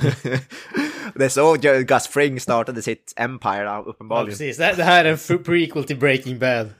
Ja, fan. Sen öppnade han upp massa kycklingrestauranger. Jag tänkte säga, vad heter de där chicken... El Pollo Loco. Eh, Los Pollos, Los Pollos Ja, Hermanos. just Just det, just Fan, El det. Pollo Loco, jag vet inte, det kommer från någonting annat. Ja. Chicken var helt åt helvete ful. Eh, jo, precis. Eh, det är jävligt underhållande. Och så sen när vi får se då Little League, vad heter baseballmatch. Där en läskautomat kommer till liv och börjar peppra ut som en jävla kulspruta. Läskburkar. Alltså det, det Ja, bästa fy med den fan, här det här är det bästa i hela filmen. Det bästa med den här scenen kan jag tycka är nästan det bästa i filmen. Det är ungen som försöker fly på en cykel och så mitt i allting så bara stannar cykeln och flyger över styret utan någon tydlig orsak varför. Jag vet inte om det skulle vara en cykel, en elektronisk apparat, men det är det ju inte. Nej, Alltså det var det jag tänkte, från början tänkte jag att okej, lever cykeln också? Men sen så tar ju den andra ungen sin cykel och bara cyklar iväg utan problem, så jag vet inte fan vad som hände där, men det är typ det roligaste jag någonsin har sett när ungen bara flyger över styret. Men Kanske har det, någon sån där grej på, på cykeln som är elektronisk, en sån där eh, som kommer ihåg om de har stoppat det så att den börjar låta som en motorcykel. Kanske har någonting sånt. ja, just det. Ja, det var dynamon som högg fast i... Ja, precis.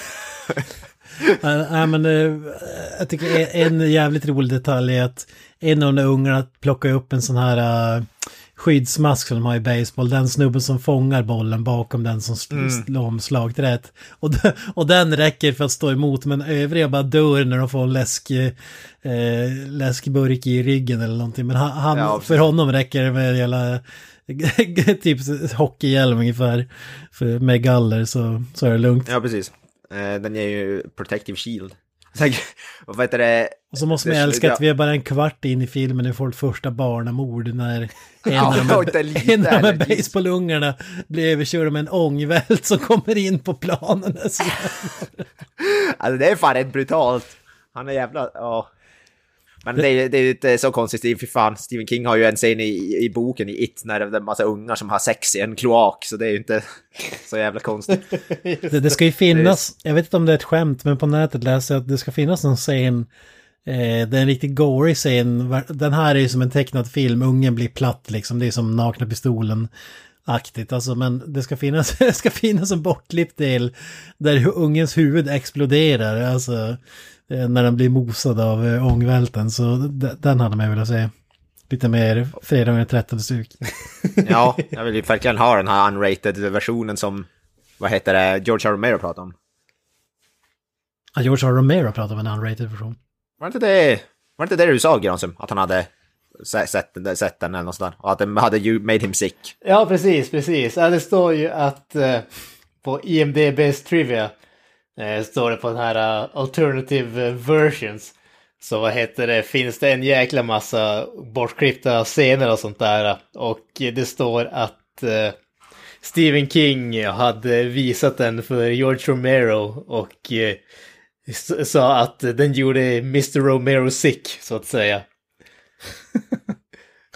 Står det även att eh, vad heter Stephen King äger eh, the eh, uncut print så att eh, och den har inte släppts åtminstone inte när den där trivia-grejen skrevs in 2013 så att vi ska inte ge upp hoppet. Kanske kan finnas en möjlighet att vi får en Director's Cut av Maximum Overdrive någon gång. Ja, det hade jag fan velat se alltså. Ja, det hade varit magiskt.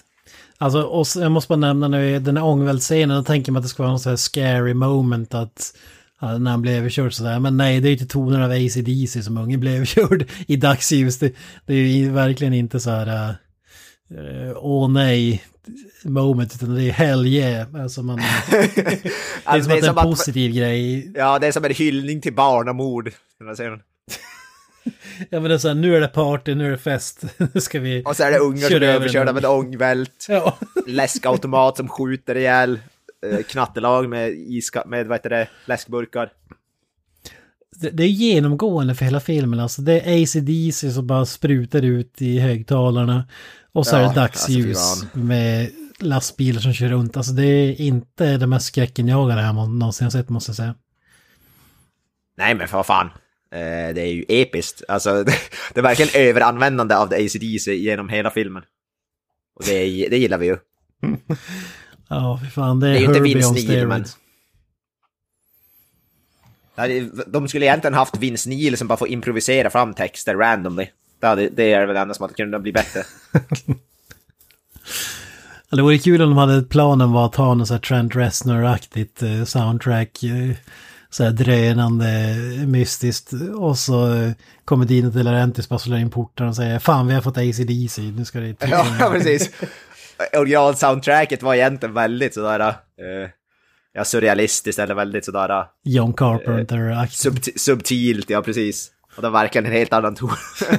Ja, men på, på tal om musik, även om det här inte är direkt relaterat till musiken, men ännu mer trivia. Eh, står på Wikipedia att Stephen King originally wanted Bruce Springsteen to play the role of Bill Robinson. Springsteen was unknown by De Laurentiis, so Dino personally hired Martin Sheens son Emilio Estevez.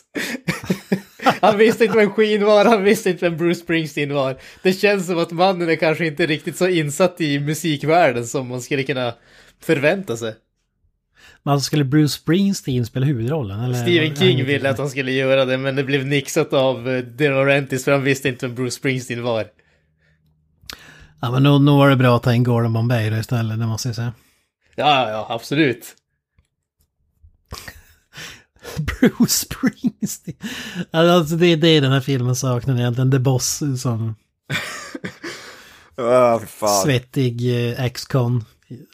Ja, men det hade jag kunnat se det. Ja, Och absolut. så lägger de in, fan vet jag, Born in the USA, och hade väl varit med istället i den här, vad heter det, den här montagen om tankar lastbilen. ja, precis. yeah! Alltså jag ser ju bara framför mig, eller hör bara i mitt huvud, liksom en crossover mellan AC/DC och Bruce Springsteen. Ja, en duett med... Ja. Brian versus Bruce.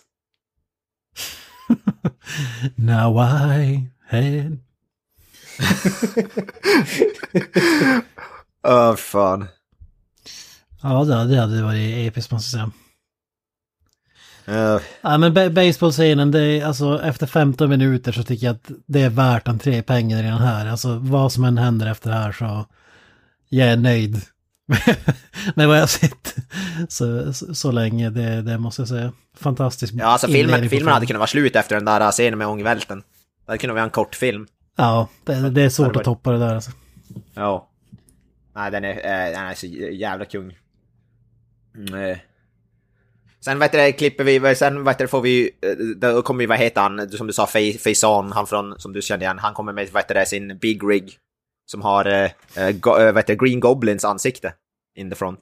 ja, av ingen anledning.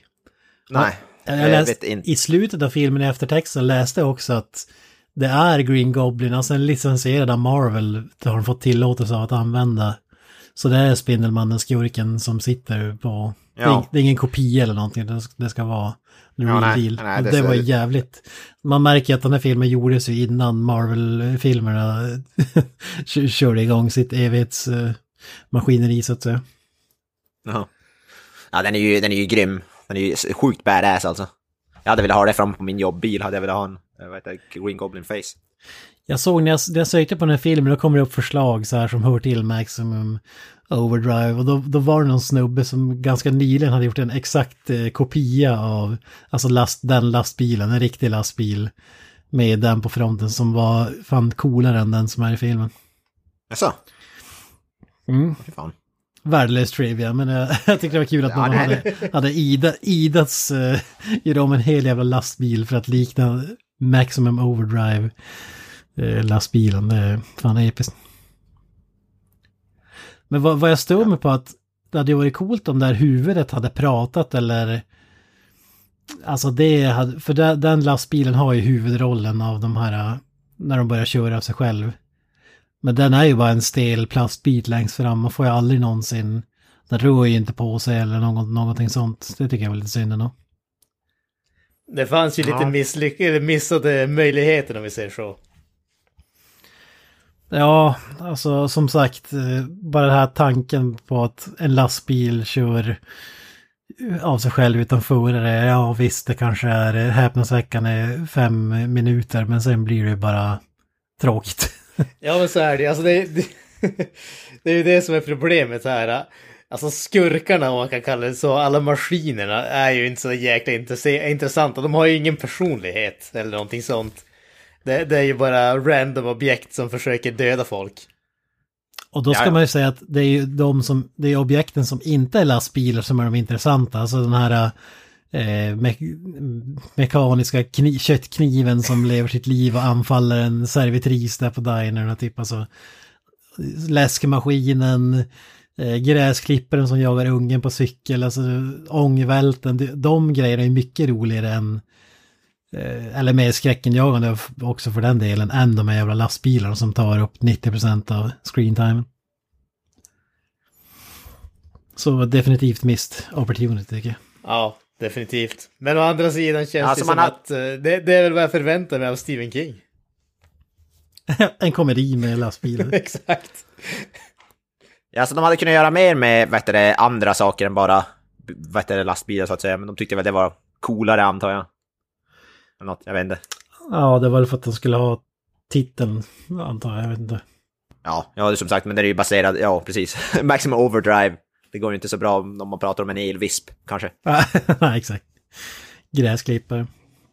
Eh, men som sagt, ja, men jag håller med. Det finns bland annat en scen där i Diner när, eh, vad heter det, ja, när en tjej där, hon blir vet du, attackerad av en, en sån där grej som man skär kött med, eller jag vet inte vad fan det ska vara. Ja, men det var, den, det var den jag menade, den här eh, Ja, Motoriserade kniven. eller elkniven så. eller vad fan, köttsågen eller vad fan ska Är det bara jag som aldrig har i sett en sån i verkligheten?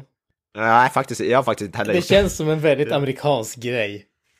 Jag tror jag har sett det när, någon, när de skär upp så här turkey på Thanksgiving eller någonting, att de brukar ha en sån där... eh, Ja, ja, alltså jag, jag tänkte i verkligheten, alltså i Sverige liksom.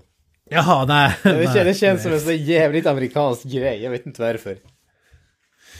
Nej, ja, de har ju mycket som eget. Allting är skivat och klart och, och så vidare. Osthyvel, vad är det? Ja men på riktigt det är ju så. Alltså, det går ju typ inte att, ja det finns det säkert någonstans, men i en vanlig butik så är ju allting slicat och klart. Mm. Det är ju, ja, det är en annan värld så att säga. Det ska ta tre sekunder att klämma i sig maten. Ja men vad fan, man har ju inte...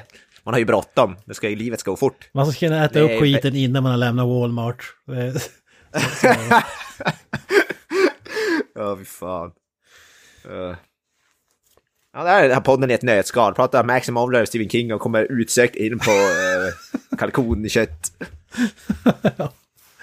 Ja men sen, det var ju 1986, det kanske, Höjden på kalkonernas år. Det kanske var årets julklapp 1986 och så Ja, såg den precis. aldrig mer. Det var, det var det som de fick alla pengarna. Det var så här uh, product placement. det, var, det, var, det var den och Green Goblin. Vill du också ha en blodtörstig eh, elkniv? Precis, det Som lever sitt eget liv. Ja, det är fantastiskt. Uh, fan vad kung. Vad, vad säger ni om dinern överlag med... Jag gillar ju ändå chefen som kallar alla för Bubba av någon anledning. Jag vet inte vad Men heter inte han själv Babba, eller var inte det? Alltså, jag, får mig, jag får för mig att det är han, hans namn. Jag vet Nej, inte. han kallar ju alla som han pratar med kallar han ju Bubba. Ja men han, nej, han heter ju Babba Hendershot, är hans namn. Jag ser ju här i listan. Ja, jag, jag, fatt, jag ju- fattar inte den grejen, men jag tolkar det som att det var någon slags hån att jag ids inte ens lära mig vad fan du heter, så jag kallar dig för Bubba. Och Bubba är någon sån här eh, bondläpp eller någonting, jag vet inte. Ja, det var, det var precis så jag tänkte också. Det, är- det är ännu konstigare om han kallar sig själv, om han kallar alla andra vid sitt eget namn. Ja, Det är, det ja, är ännu konstigare.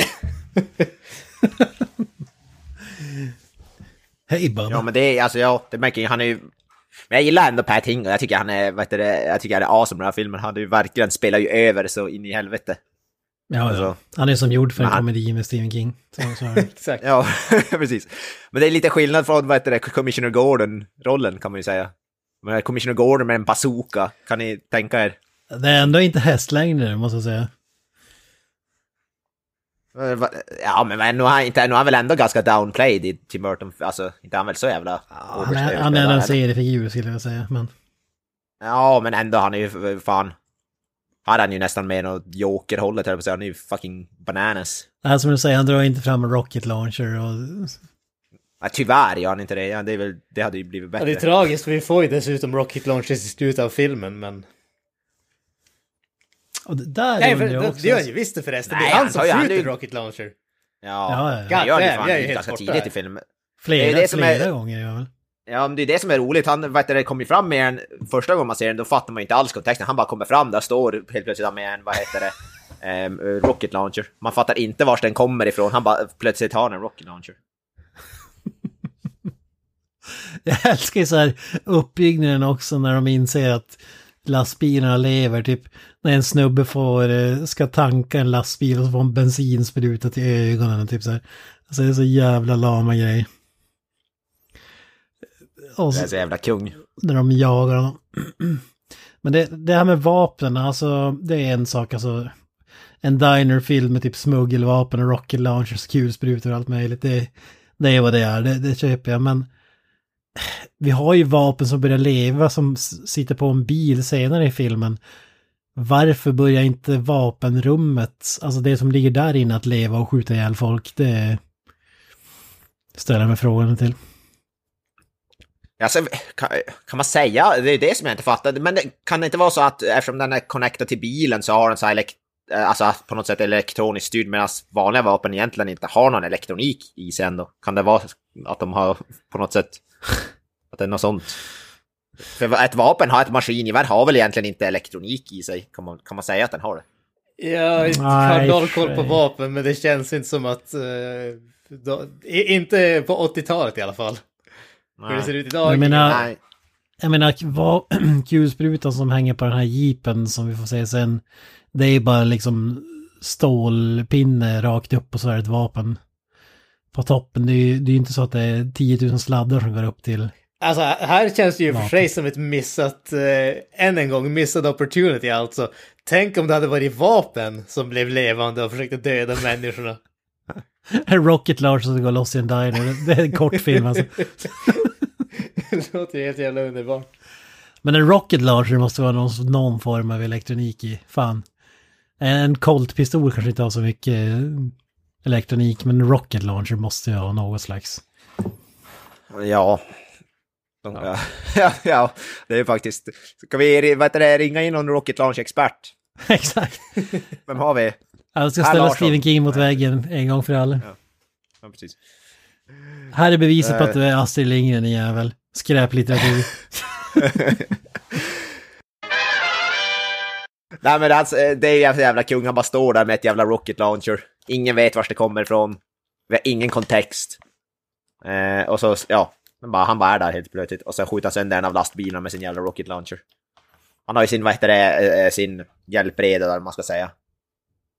Eh, Som, som ger han missiler också. Eh, ja, det är så jävla kung. Bubba. Bubba. Alltså det, det är det jag inte förstår heller med, ah, eller jag fattar ju det, det måste ju ha en film, men de har rocket launchers med oändligt med raketer vad det verkar. Varför inte bara gå ut och smälla i sönder varje lastbil och så åka därifrån och det är klart. Ja. Men men, jag men men, jag är ingen han verkar ju ha rätt, han verkar ju ha rätt bra med ammunition så. Ja, jag vet inte. ja, jag menar Men det. det, men det, i och för sig så kommer det ju jävligt mycket truck senare också, så jag inte, efter ett tag så kanske jag hade varit mer lastbilar än eh, missiler. Jag vet inte. Ja, du tänker att han vill inte locka dit eh, the Ja, pack. det kanske är någonstans. Du ser, det är mer, mer tanke i, bakom filmen än du ger en cred för. Det finns en flock med Scania-lastbilar här i närheten. Jag känner ja, precis. Det är, inte, det är samma som i vad heter det, zombiefilmer, du kan inte skjuta och göra för mycket ljud för då kommer alla springandes. Ja, exakt. ja, det kanske är Dawn of the Dead uh, reimagined. Det, du Ja, men jag, tycker, jag tycker jag ändå hade lite mycket, för Dawn of the Dead är ju också som en komedi, alltså i originalet i alla fall, George Romeros. Så jag tyckte ändå det var väldigt mycket. Sen är ju det kanske mer, betydligt mer kompetent gjord film än det här, men jag tyckte ändå det fanns en hel del, vad heter det, eh, ja, inspiration. Känns det som i alla fall. Och sen kommer en väldigt märklig scen när lastbilarna eh, pratar... Nej, nej, jag måste ju säga en annan av mina favoritscener. Det är ju, det finns en bibelförsäljare med i den här filmen. Han går runt och, och eh, prackar på och det är ganska tydligt att Stephen King inte är något fan av religiösa typer och Ja. det är väl inte första gången man ser en Stephen King-film känns det som. Eh, Och eh, den här sn- snubben ska pracka på och sälja, sälja bibeln till några som sitter inne på dinern. Men då helt plötsligt blir hans, och det är så här, oh God almighty och bla bla bla. Och så blir hans bil sönderkörd av de här lastbilarna och det är innan vi får veta, innan alla inser att de lever. Eller i alla fall han. Och då blev jag ju tokig bara what the hell? Och så bara, Get out of the way you fucking bitch! Säger och kastar undan den tjejen som ska sälja bibel till. Jag tyckte Ja, det var så jävla kul och så ska jag springa ut och rädda bilen. Eller spöa upp lastbilschaffisen som visar sig vara en ja, osynlig alien. ja, jag tyckte det var så jävla kul. Get out of the way you fucking bitch! Uh, ja, men fy fan. Visst är den där... Nej, nej, jag tänkte säga att den där fucking... Som, men det är ju, vad heter det? Det är ju The Diner-kärringen. Jag tänkte att det var den här... eh, fast hon är i och för sig också störande, hon Diner-kärringen. För när hon, det är hon som går ut och skriker hela tiden. Flera scener. We made you! Så hon är ju extremt störande. Jag tyckte hon, Så hon ju bäst. Alltså första breakdownen hennes var ju liksom Cage-värdig tycker jag. Ja, ja, Ja, alltså, du men det var ju lite klippa in soundtra- soundklippet från den alltså. Den är underbar den biten. You can! We made you! Sen gör hon ju bara samma sak typ två gånger till och då, då tappar det lite intensitet och så kallade. Men första gången där alltså jag vart glatt överraskad måste jag säga. Ja, Där, där satte du verkligen huvudet på spiken. Alltså det är så jävla cageigt uh, skådespel så det finns inte.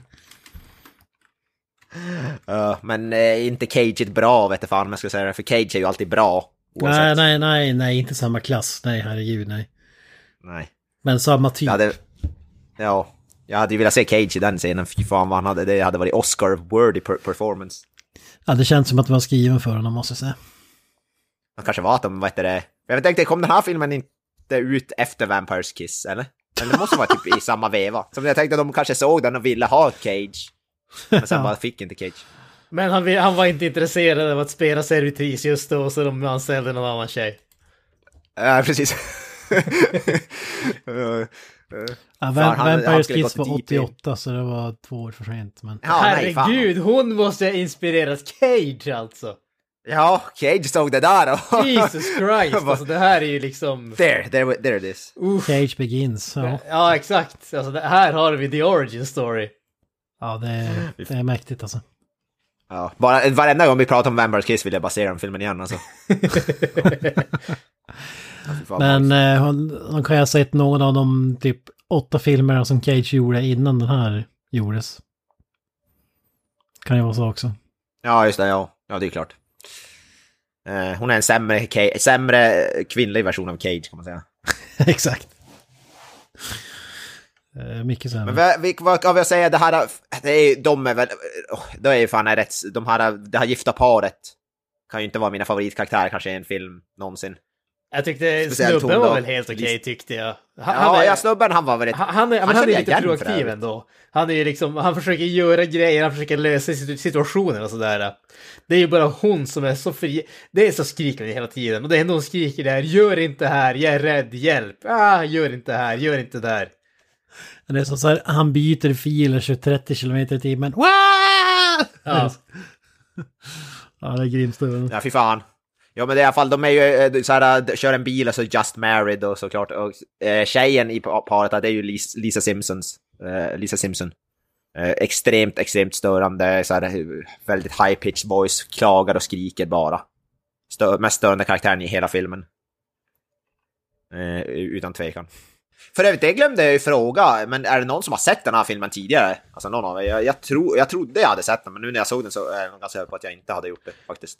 Jag glömde fråga dig där i början. Nej, jag, jag, hade inte, jag har sett klipp från den, det har jag gjort. Men jag har aldrig sett filmen i sin helhet förrän nu. Så jag fick en riktigt maxad upplevelse. Ja, just det. Din upplevelse lades in i så kallat maximum overdrive. Exakt. Boom. Om man ska vara filosofisk. Ja, fy fan. Ja, det är ju också sådär, eh, eller Granström då för övrigt, jag måste ju fråga dig. Nej, jag hade inte heller sett den. Jag hade bara hört talas om den. Ja, just det. Nej, nej men samma, jag trodde jag hade sett den, jag, eh, jag hade fått för mig det, men icket, icket. Kände i alla fall inte, kom, i så fall har jag helt förtänkt allt som har med filmen att göra. eh. Eh, eh, senare, vad heter det, då får de ju, vad heter det, det kommer någon, den, vad heter det, ja, någon slags eh, jeep eller någon med en kulspruta och montera på, och då, vad heter det, börjar den tuta. Så de, den börjar då kommunicera med människorna i eh, vad heter det, mo- eh, morsekod, morse code. Och eh, då, den här lilla knatte, den, ungen från knatte baseballaget sen tidigare som Ja. hade den där masken på sig. Det, han, kan tydligen morse, morse code för, att- från, jag vet inte, scouterna då eller någonting, antar jag. eh, och då, vad heter det, översätter han ju vad de säger och då säger, då säger väl i princip last, eller den här som styr den här, vad heter entityn, vad man nu ska kalla det, han säger väl i princip tanka alla våra lastbilar så får ni leva, eller något sånt där, kan man väl säga. I Han, han skriver en hel bok från morsekod, kan man säga också, ungen. Det det är inte bara, Ja, det är inte bara tanka bilen, tanka bilen, tanka bilen, utan... Gör det här, annars händer det här och nu måste vi ha det här. Och. Det är en, en till bok att läsa. Ja, ja precis. Men, jävligt smart unge i alla fall. Jag hade ju aldrig kunnat någonsin. Jag gillar det typ så här 40 vuxna och ingen kan morse code förutom eh, ungen på fem barre som plitar ner och fattar direkt att det är morse. Ja, för fan, han är ju smart. ja, ja. Eh, I alla fall, men då får vi ett episkt montage med en svettig Emilio Estevez. Eh, som står och tankar eh, jävligt många big rigs. Tills han får blåsor i händerna. Jag fattar inte det där. För alltså, det, men det kanske, det kanske inte fanns 86, men när man tankar nu, då klämmer man bara fast handtaget är fast nu. Och så, och så, du kan ju gå in och käka en donut på dinern medan den tankar. Alltså du behöver inte stå där eh, och hålla i handtaget i, ja, när bensinen fylls på liksom. Men det, det kanske, Ja, jag vet, det det kanske är kanske för vet, jag vet modern inte hur det var på...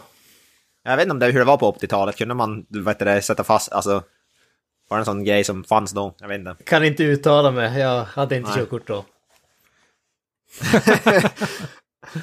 Du hade inte det? Nej. Och du tankade inte i USA vid det, 1986. I mitten på 80-talet. Ja, det är så jävla Det är kul okej. att han blir så sliten och svettig från att bara stå och tanka. Det Ja men det är varmt för fan, och blåser i händerna fan också. Ja.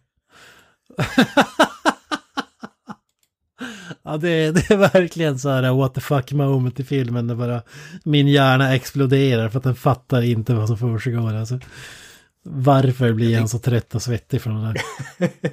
Ja vad fan ändå, tänk hur många jävla de står och så är det jävligt varmt. Det kanske är så här 30-40 grader och de står typ i solen och... Men så här då, dra en, dra en tejpbit runt handtaget, bam.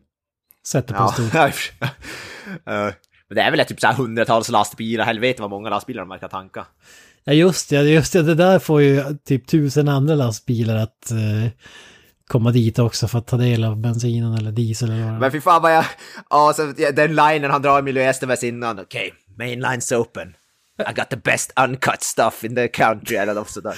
Ja, det är som att jag säljer knark till en sån här uh, Scarface. Ja, alltså, så är det bensin. Det är bara bensin, alltså det är så jävla... Som att han är jävla värsta jävla Scarface eller någonting.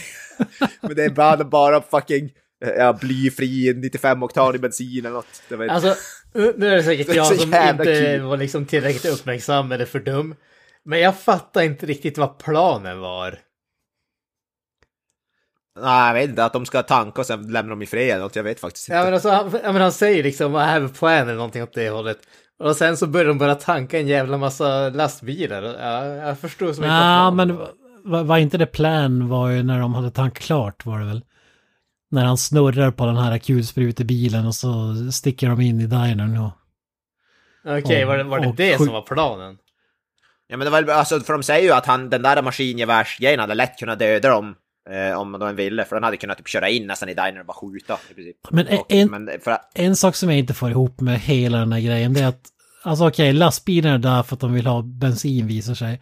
Och det tar typ två dagar för dem att berätta att det är det de vill. Men under den här tiden så har de ju cirkulerat som hajar på en tecknad film så här. Kör runt, runt dinern, alltså. Alltså det måste slösa så jävla mycket bensin under den tiden. Alltså det måste ha gått mer bensin då än de får i tanken. När Emilio Estevez står där och pumpar in i lastbilen. Fattar du vad jag menar? Mm, Alltså de kan ju inte gå plus bensinmässigt på att cirkulera runt dinern i typ 48 timmar. Och så få lite ja, det, bensin. ja, det är sant, jag vet inte. Ja. Är väl, de vill väl se till så att de inte ens rymmer i alla fall, men jag vet inte, de hade väl bara kunnat parkera framför och stå stilla. Ja, och gasa och skrämma dem istället. Ja, precis. Ja, ja. det, är, det är sån logik man vill säga den här typen av filmer. Alltså. Det, det är djupa tankegångar här känner jag alltså. Det, det, den har väckt någonting inom oss den här filmen. Ja, det är, men du ser. Det är roligt att vi har djupaste konversationerna med de dummaste filmerna, men när vi ser typ eh, Irishman som är fyra timmar, då har vi typ säga bara ah, fan, Robert De Niro var väl bra I guess. Så lite hantverk. Så ett hantverk. är, våra prioriteringar är rätt, ser jag. Fan, vi snackar, om Leprechaun in the Hood har vi mer att säga än om Tenet.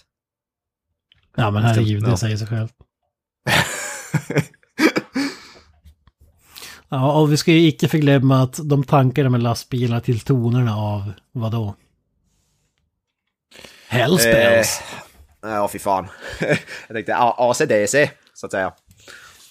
Visst är det ja, någon som alltså- säger i en replik i filmen också For those about to rock we salute you eller något åt det hållet. Ja, ja, de säger det, Hells Bells säger de ju i alla fall i någon serie. Är det Hellspells som säger? Mm, de säger Hells Bells nämner de. Eh, jag tror det är kort innan den scenen också. Och sen nämner de ju såklart filmens titel, Maximum Overdrive. De säger ju att the car, they have gone into Maximum Overdrive. Sjukt badass. Äntligen skrek man ju då framför tv. Fy fan. Ja, men det är, så, det är sjukt jävla bra alltså. Men det, det, den, är montagescenen med Hells Bells, alltså. Ro- Rocky, Rocky han har Eye of the Tiger och whatnot, men vad heter det, Stephen King han kör en tankningsmontage till Hells Bells. Det är mycket mer badass alltså. Ja, ja, ja. Fan. Och det är ett långt jävla montage där vi håller på i säkert ja, hela låtens längd. Måste den ju ändå göra nästan. Ja, som sagt, låtarna spelas i sin helhet. Det är inte så här 15 sekunder från någonting här och där, utan Nej. vi kör. Är låten 10 minuter lång, då är det 10 minuter lång sen. Ja, nej för fan. Det är fan kung att han låter. Eh, de spelar, spelar... Fler, fler borde ta till det greppet. Ja, ja, framförallt om det är ACDC. jo, jo. Eller Maiden. Eller Mötley Crüe. Eller Ja, fy fan. Ja, fy fan. Det är bra skit. Mm. Icke kom. Ja, och vi har ju nämnt såklart Co- Commissioner Gordons, eh, vad heter det, bazooka, kung. ja, men det- den återkommer ju x antal gånger. Ja, precis. Han har så jävla arsenal alltså. Eh, Jesus Christ. Vad var, förklar, vad var förklaringen? Jag missade det. Han hade ett rum fyllt med ett vapenförråd bokstavligt talat. Alltså, än en gång, jag, jag kanske var inte helt uppmärksam och sådär, men jag tror att som jag fattade var att han typ köpte när folk passerade. Alltså att han... Ja, det var någon smuggelhistoria typ. Alltså ty, ja precis, att han var typ någon sån där smuggelsnubbe för han... Han var hette när han... För de andra, den där andra snubben verkar ju ändå veta att rummet finns där och så. Alltså så att jag fattar att han var typ hans medhjälpare eller någonting sånt, att de tillsammans hade någon sån där liten smuggelring eller någonting åt det hållet. Men jag, kan, jag vet inte, det, det kan vara så att jag missuppfattade det helt, men det var så jag tolkade det i alla fall. Ja. Ja, vi söker svar. Och vi får mer frågor. Ja, precis. Kan någon, kan någon göra efterforskning och komma tillbaka och återkomma? Alltså, jag ska bara jag ska jag ringa Stephen King, jag, jag återkommer om en Ja. stund. Ja, precis. Ja. Han har en Ja, jävla massa måste stå till svars för efter det här alltså. Och ändå är det en episk film, det, det är märkligt det fy fan. Eh, Ja, ja, men jag ska skriva min avhandling på Maximum Overdrive, hade jag tänkt. Jag ska doktorera. Fan. Ja. Jag läser här också att den episka trailern där med Stephen King, den använder tydligen themesången från eh, Halloween 3, Season of the Witch. Är foreshadowing för kommande avsnitt kanske. Uh. ja, där har vi Anna, en annan eh, episk film. Ja, ja herregud. Jag vet inte, det finns så mycket att säga om scenmässigt med den här filmen. De... Ja, Shyamalan-twisten har vi gått igenom. När de har mördat alla eh, lastbilar, på att säga. Så får vi den här twisten då i- i slutet. Jag vet inte riktigt vad man ska säga om den. Gillar ni den? Shyamalan-twisten. Ja. Ja, det är ju... jag vet inte fan vad man ska säga om den. Jag tyckte... ja, jag vet inte om jag tyckte att det var så jävla mycket. Jag, blev inte, det var inte så jävla chockande. Kan jag inte påstå. Jag tyckte att du gjorde hela filmen, ja, men det gör det. Jag, jag älskar att avsluta, jag älskar att alla filmer med en liten novell. Ja, just det. Alltså här står det att en Russian weather balloon would later blow up the troublesome comet that seems to have caused this bizarre effect on the planet's machines with everything going back to normal. Ja, Ja, och så vidare och så vidare och så vidare. precis. Lever lyckliga i alla sina... Alltså, det, är så, det är så jävla bisarrt alltså. Vad är det för sätt att vara där i slutet av filmen? Det, det, det förklarar ingenting. Jag förklarar allting och absolut ingenting. Alltså det är så bisarrt. Alltså det, det, hade ju, det hade ju inte gjort någon som helst skillnad om filmen hade liksom bara slutat där den, om man säger innan den där texten, eller om vi får den där texten som bara säger att ja, ryssarna sköt sönder kometen och allting blev normalt. Vad gör det för skillnad? Filmen är redan slut. Exakt. Folket har överlevt. Och när det är coked up Stephen King, du ska ha en bok till eh, i slutet där som vi ska läsa. Som ger oss absolut noll info. Ja, Men det är ju för fan. Det måste ha lite exposition.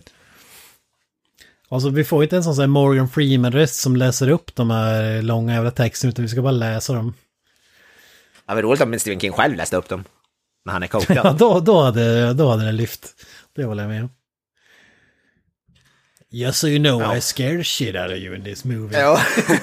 Now that you're sitting there in your theater seat. Scared out of your mind, just remember. There's nothing det- more det- scary than trucks in daylight. Ja, and... Uh, ja, vad heter det? Electric kitchen knives. An AC/DC soundtrack.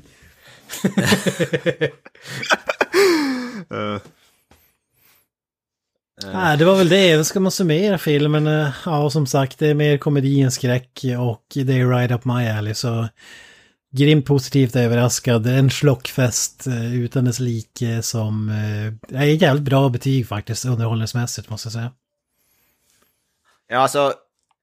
Ja, alltså, jag håller faktiskt... Jag tyckte den var betydligt mer underhållande än vad jag eh, förväntade mig. Alltså, jag, ja, jag, vet, jag vet inte vad- vad jag förväntade mig, men... Ja, det var ju definitivt inte... Jag tänkte mig... Jag förväntade mig faktiskt lite mer skräck. Eh, det var det ju inte. eh, men den var ju sju... Nej, jag blev faktiskt eh, imponerad, på, så pass imp- imponerad över hur alltså, underhållande den är och hur bra musiken är och framförallt, jag älskar soundtrack i den här filmen. Jag hade kunnat se, kunna, som sagt, jag ser, sitter ofta inte och ser färdigt creditsen i en film. Eh, det är den här och så vad heter det, Fredag 13 med Man behind the mask, typ. I princip. Ja, visst är det You Eh, shook me all night long när creditsen rullar? Ja, fy fan. Kunglig låt. Eh, det är ju en klassiker, i och för sig inte, absolut inte gjord för den här filmen, men det är ju sjukt bra låt, så det var ju man tvungen att sitta igenom. Nej, jag är också eh, faktiskt högt betyg. Eh, vi får se nu om, eh, om nu Stephen King regisserar en till film så får vi se om den blir lika bra. Det är svårt att toppa, antar Ja, jag. men herregud, vi har ju bara väntat i 35 år. Rätt och där har Ja, han samlat modet inte- och kommit över det här misslyckandet. Vi kan ju fan inte bara ha så jävla bråttom, alltså. Ska, måste ge mannen lite tid. Och då vill, då vill man ju se eh, Nickelback soundtrack i den då så att säga. Nej, jag tänkte jag trodde du skulle säga Vince Neil. Vince Neil ska få skriva allt. alltså han står on set och bara sjunger. alltså, Live filmar. improviserat soundtrack. Ja, live. Fy fan. Ja. Och så slutar det med att Ja, han ramlar av scenen i. Ja, precis. Granström, ska du sammanfatta dina tankar, känslor? Är, du är väldigt emotionellt upprörd. Eller? Jag är vä- jag är väldigt emotionellt engagerad får man väl säga. Den här djupa och eh, engagerad. Mm. hjärtskärande historien om eh, bilar och maskiner som bara vill vara folks vänner men som inte riktigt lyckas med det är ju tragisk helt enkelt. Och jag känner ju verkligen att eh, hade det här varit en, en Disney-film så hade vi fått lite fler sånger och lite mer blod kanske till och med. Så att eh, då hade det varit underbart. Som det är idag. Nej men eh, skämt åsido. Eh, jag måste säga att jag tyckte den var förvånansvärt underhållande. Jag skulle inte gå så långt som att säga att det är en bra film. Men, men alltså det finns ju scener som jag tyckte var väldigt eh, roliga. Jag tror de flesta av dem förmodligen inte meningen att de skulle vara roliga. Men det, det må vara. Eh, jag tycker att den är värd att se faktiskt, måste jag säga. Alltså bara för att den har ett helt underbart soundtrack. Den är jävligt ostig till och från. Eh, skådespeleriet är det är folk som försöker och så är det folk som verkar veta vilken typ av film de är med i. Vilket är väldigt bisarrt eftersom man tänker att det här skulle vara en skräckis men alla verkar spela som att det är en komedi. Så att eh, jag, jag vet inte riktigt vars kommunikationen brast eller om det är så att de visste någonting som inte vi vet. Det vet jag inte men kolla in den i alla fall för den är jävligt bisarr och underhållande. Jaha, så du menar att Stephen King, in, att du inte blev scared out of your mind? Det var ju jag. Så Jag skulle, jag skulle nog gå film. så långt som att säga att Stephen King är en lögnare. Fan. Hör du vad han säger Kent? Det är för jävligt. Ja, ja, men det skriver jag under på. För att, Nej, men men jag, jag tror, jag vet inte, det är så jävla märkligt just med trailern och filmen. Alltså, det är nästan som man undrar att Stephen King kanske var, som sagt, kanske var coked up hela filmen och var borta och, och då bestämde folk för att jävlas med honom och eh, spela in en komedi istället. Alltså för att den känns så jävligt självmedveten många scener, alltså. Det, det är ju det är liksom Caddyshack, Nakna Pistolen-aktigt vissa gånger, fast B-filmsversionen av dem då, kan man säga. Så, så det, jag tycker det är som en självmedveten dålig B-film som blir bra för att den är dålig. Fast den är ändå bra, om det makes sense. det blir en härlig är ju mix av eh, fails, kan man säga. Det blir, det blir typ tre fel som blir ett rätt, skulle jag säga att den här filmen är. Alltså det, ja, ja, det är väl ett bra sätt att sammanfatta det. Jävligt många fel som på något sätt blir rätt Ja, när man sätter ihop dem. Det, det är så jag känner. Mass, massa dåliga saker som på något sätt går ihop och blir någonting eh, jävligt awesome. För, för det är inte så här The. Room-aktigt, utan det är ju mer... Alltså en, en komedi och det blir...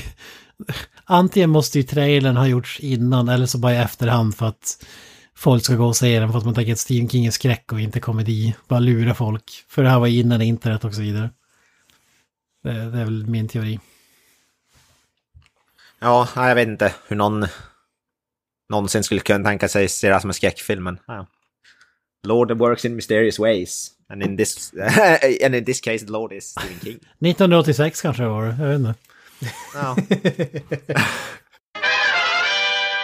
ja, vi säger väl så. Det är, som sagt, jag tycker det var Dino De Laurentiis tema. Det har inte blivit så mycket prat om Dino De Laurentiis, men han ligger bakom eh, magiska filmer kan man i alla fall säga.